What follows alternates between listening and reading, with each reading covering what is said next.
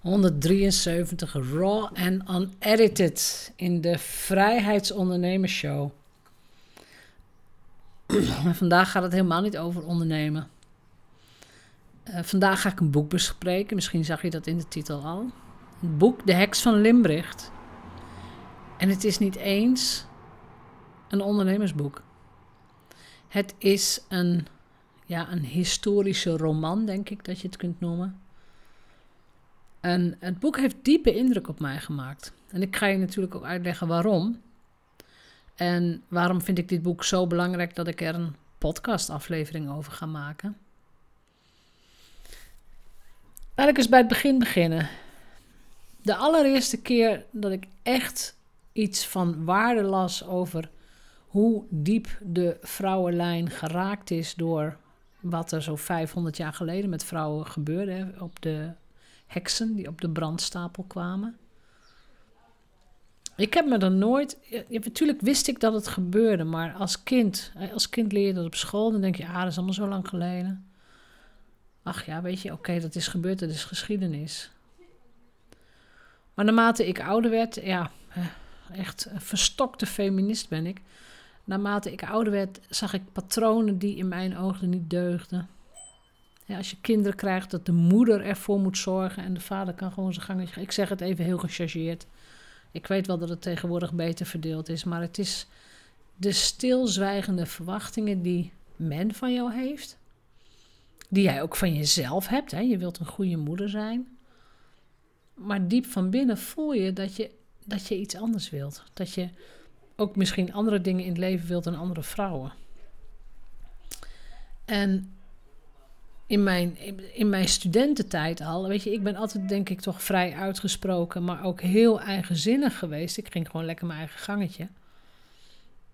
En ik trok me nooit heel erg veel aan van wat men daarvan vond of, uh, nou ja, wat, wat zo heurde, om het zo te zeggen. Ik deed ook niet aan mode. En uh, make-up ook niet heel veel. Maar dat ook in mijn studententijd uh, er al grapjes over mij werden gemaakt met... Uh, goh, ben je met je bezig gekomen vandaag? En uh, nou ja, dat, dat soort bijdingetjes. En op de een of andere manier kon ik daar wel over lachen. Ik was er ook wel trots op, op mijn, op mijn eigen zinnigheid. Maar nu ik zelf moeder van een dochter ben, kan ik me er ook vreselijk over opwinden. Dat, dat dingen gewoon niet goed geregeld zijn. En dat het nog steeds, nog steeds het recht van ja, het patriarchaat is. En ik kan allerlei voorbeelden noemen. Ik, heb, ik, ik, zou er een heel boek over kunnen schrijven. doe ik allemaal lekker niet. Dat doen andere mensen. Maar weet je dat als je gaat trouwen, dat je dan de naam van je man aanneemt? Wie heeft dat in godsnaam ooit bedacht? Weet je zo? Nou ja, ik weet, ik weet wel waarom ze het bedacht hebben. Het huwelijk was vroeger alleen maar een bezitsoverdracht. Je werd bezit van de man. En daar hoorden dan weer allerlei voordelen bij. Dus qua land en qua huis enzovoort. Helemaal niks romantisch. Helemaal niet. Dat is later pas gekomen. Um, maar dat gezegd hebbende, ik heb me nooit echt gerealiseerd hoe diep, ook in ons DNA, in de vrouwenlijn, de, de, de angst geworteld zit. De angst om je uit te spreken, de angst om krachtige vrouw te zijn, de angst om beter te zijn dan de man, jouw man of andere mannen. De angst om zichtbaar te zijn, de angst om nou ja, dingen te doen die misschien cultureel niet geaccepteerd zijn. De angst om, weet ik veel, je eigen huis te kopen, eigen auto te kopen. Het is echt nog maar 50 jaar geleden dat vrouwen nog werden ontslagen omdat ze gingen trouwen. Omdat ze gingen trouwen.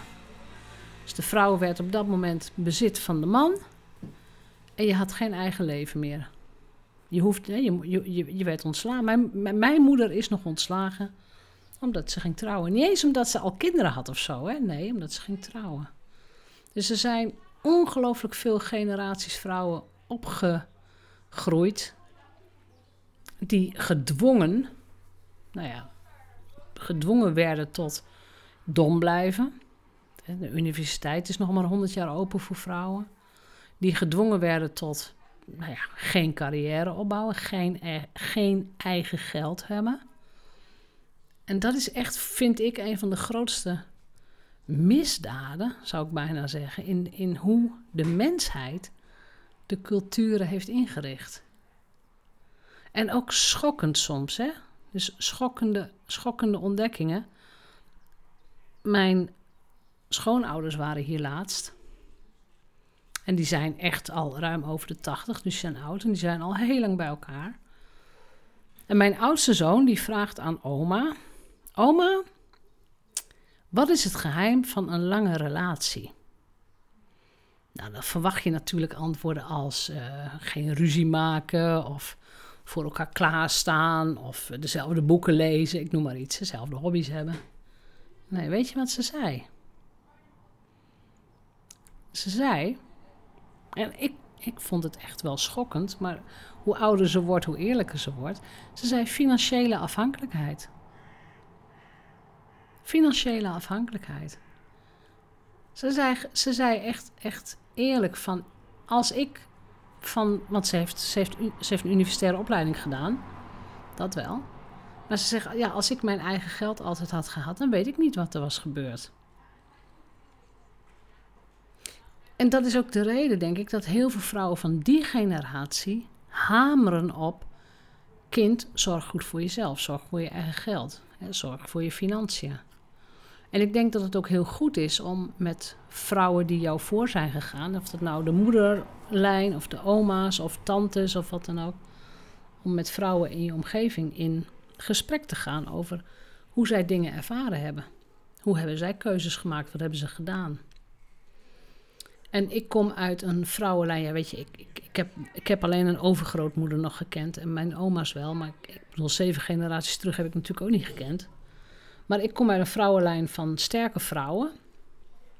Uh, ook ook ja, behoorlijk eigenwijze vrouwen. Vrouwen die hun gang wouden gaan.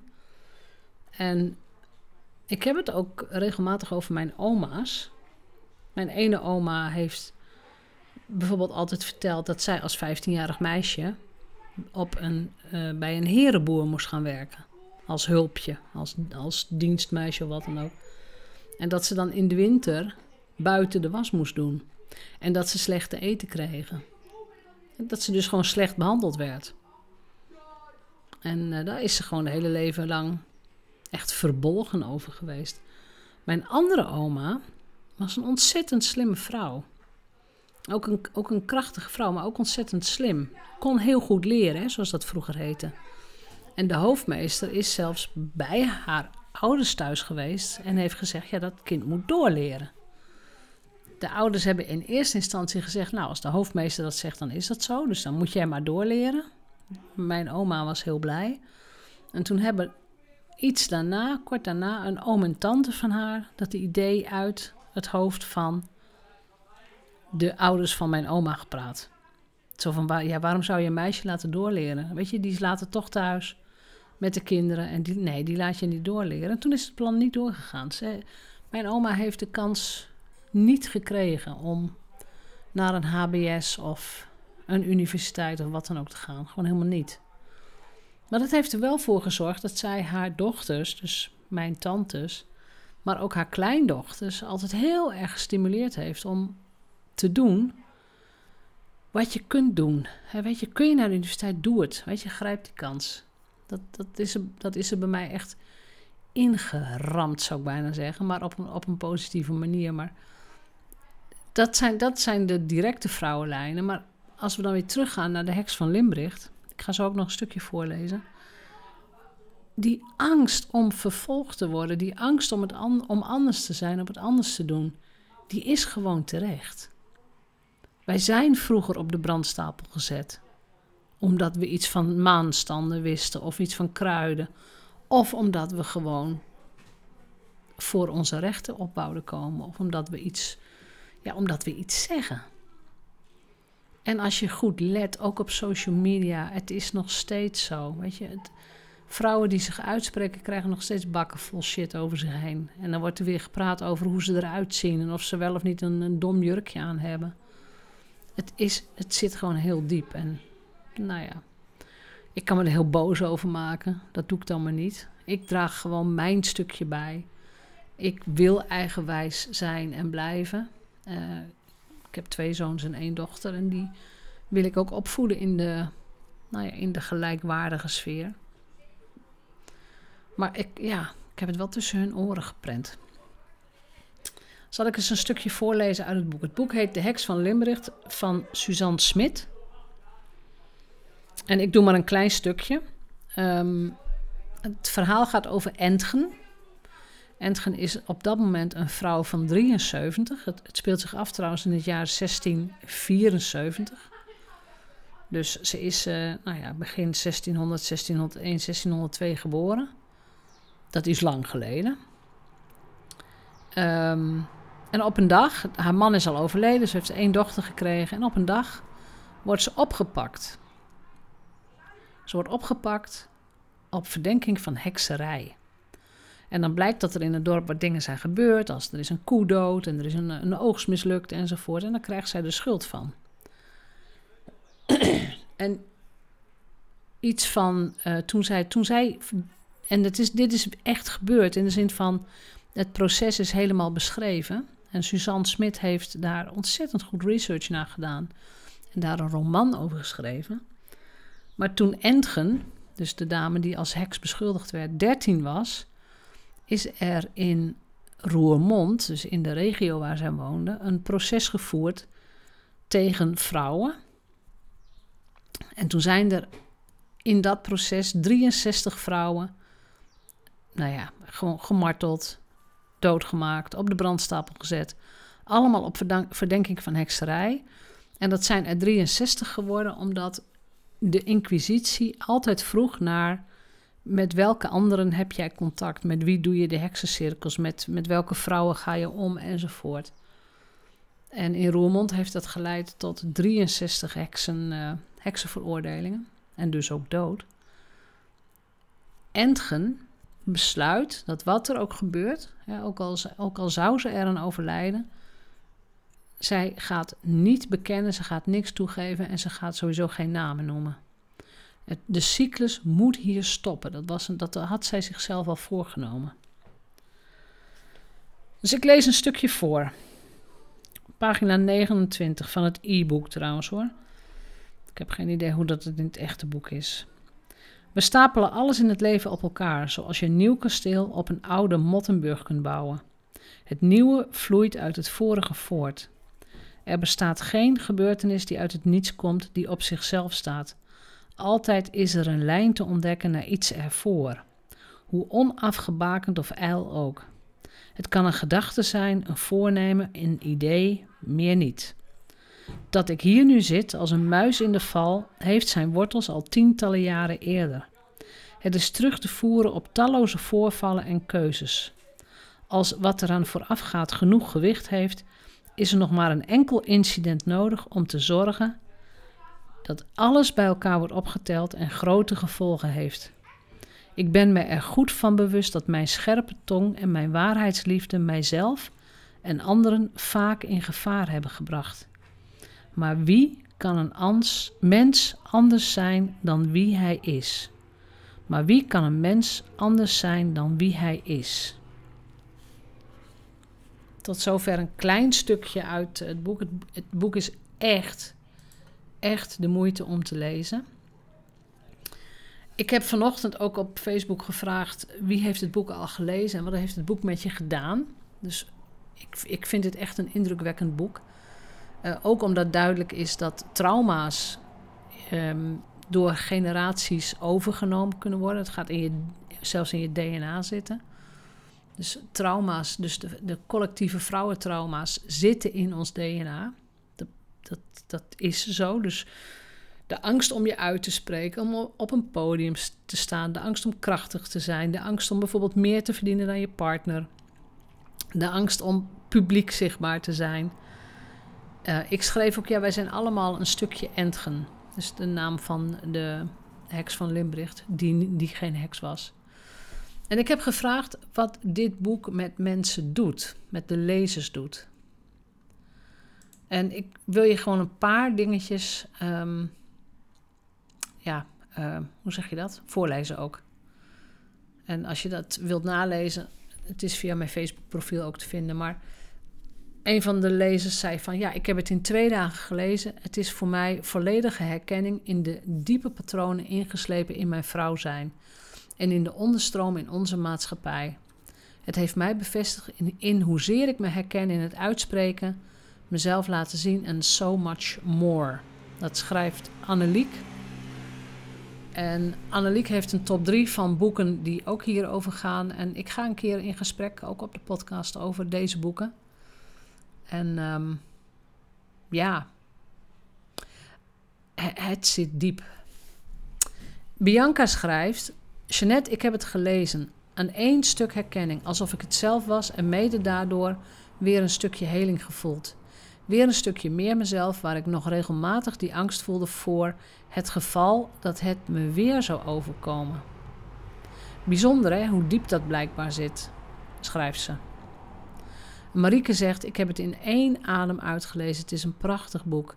En zo goed om weer te beseffen hoe men met vrouwen omging in het verleden. Daar hebben we nog steeds last van. Waarop ik inderdaad zeg: Nou ja, dat verleden is nog niet zo oud. Dat is e-, echt. Wij zijn de eerste generatie vrouwen die. die kan uitbreken. Uh, Marilena schrijft: Ik heb het in één druk gelezen. Vind het eerst zwaar, maar het heeft me inzicht gegeven in waarom vrouwen elkaar niet vertrouwen. Dit komt van heel ver. Ik kijk anders naar dit stuk vrouw zijn nu. Ook ik als heel zelfstandige vrouw was altijd erg op mijn hoede en wist nooit precies waarom. En na het lezen voelt dit waarom ingevuld. Heel blij dat ik het gelezen heb. Dat, hè, dat stukje dat andere vrouwen niet te vertrouwen zijn, dat komt dus onder andere ook uit die heksenvervolging. Want jij moest gewoon gaan zeggen, met wie ging jij om? Je werd gemarteld en welke andere vrouwen heb je, met wie deed jij de was? Weet je, ook, ook hele simpele dingen. En misschien komt daar de krabbenmand ook wel vandaan, weten wij veel. Lia zegt: Ik heb het luisterboek in twee dagen beluisterd en voelde een enorme bewondering voor de heldenmoed van Entgen. Het heeft mij geïnspireerd om bij medium Karin Wendt langs te gaan. Zij heeft Suzanne Smit ondersteund om Entgens verhaal in de wereld te brengen. En wat een enorm effect ervaar ik van zowel de helende kracht van het boek en de sessie bij Karin. Het heeft mij doen besluiten om mezelf uit te schrijven bij de katholieke kerk. Een diepe heling van de wond in mijn vrouwenlijn. Inmiddels hebben mijn man, onze oudste dochter en vrienden van ons aangegeven dat ze zich ook laten ontdopen en uitschrijven. De stem van Entgen is luid en duidelijk en heeft een groot effect in 2021. De, dit was, dat was wat Lia schrijft. De rol van de katholieke kerk is ook echt heel erg dubieus in dit, of in dit boek. Nou ja, dubieus. Het, het, het zijn gewoon monsters. Die spelen onder één hoedje met de kasteelheer. En dat, nou ja, vroeger ging dat schijnbaar zo. Dus de rol van de kerk was ook echt, het was verschrikkelijk. Dus, nou ja, goed. Ik hoef me niet te laten uitschrijven, want ik ben nooit ingeschreven. En uh, dat scheelt weer. Dus vandaag uh, geen enkele rant, geen ondernemersles, geen je moet dit of je moet dat doen. Of nee, echt helemaal niet. Ik hoop je geïnspireerd te hebben met, met dit boek en ook met het denken hierover. Uh, en ook de koppeling hieraan natuurlijk, uh, de koppeling aan jouw ondernemerschap. Het is logisch dat je niet op een podium durft. Het is logisch dat het eng is om je uit te spreken. Het is gewoon logisch om angst te voelen als jij jezelf krachtiger gaat voelen. Hoe krachtiger jij je voelt, hoe bedreigender je bent voor de mannen. En ja, ik zeg het heel algemeen. Ik weet niet alle mannen zijn zo, dat weet ik wel. Maar de, de diepe systemen die, die nu nog in onze maatschappij zitten, zijn nog steeds patriarchaal. Echt waar. Ga ze maar bestuderen. En in ons DNA zit dus nog steeds een stukje collectief, ja, collectieve angst, collectief hek zijn, hoe je het ook wilt noemen. En dat hebben, we, dat hebben we op te lossen. Dat hebben we te helen, dat hebben we te bekijken. En um, ja, ik, ik vind het een indrukwekkend boek. Dus het enige wat ik kan zeggen, uh, lees, lees of luister dit boek ook. En laat me dan weten, je kunt het op mijn Facebookpagina vinden, of op mijn profiel, sorry, dit bericht. Laat mij dan onder dat bericht weten wat jij ervan vond. Wens ik je een fijn weekend. Bedankt voor het luisteren. Deel dit ook met mensen waarvan jij, of met name ook vrouwen waarvan jij weet dat ze hiermee bezig zijn, of hier ook in elk geval last van zouden kunnen hebben. En uh, ja, wees trots op het feit dat wij de eerste generatie vrouwen zijn die dit kunnen bestuderen, dit kunnen analyseren en, en ja, een beetje kunnen ombuigen naar een ander soort samenleving en een andere rol voor vrouwen. Gebaseerd op onderling vertrouwen en gebaseerd op het beste voor allemaal. Goed. Ik wens je een hele fijne. Ja, ik, ik neem het op uh, vlak voor het weekend. Ik wens je een fijn weekend als je meteen luistert. Uh, morgen komt er weer een nieuwe opname in de Raw en Unedited serie. En uh, die zal waarschijnlijk wel weer over ondernemerschap gaan. Ik weet het nog niet helemaal zeker, maar we gaan het zien. Dus in elk geval veel plezier en bedankt voor het luisteren.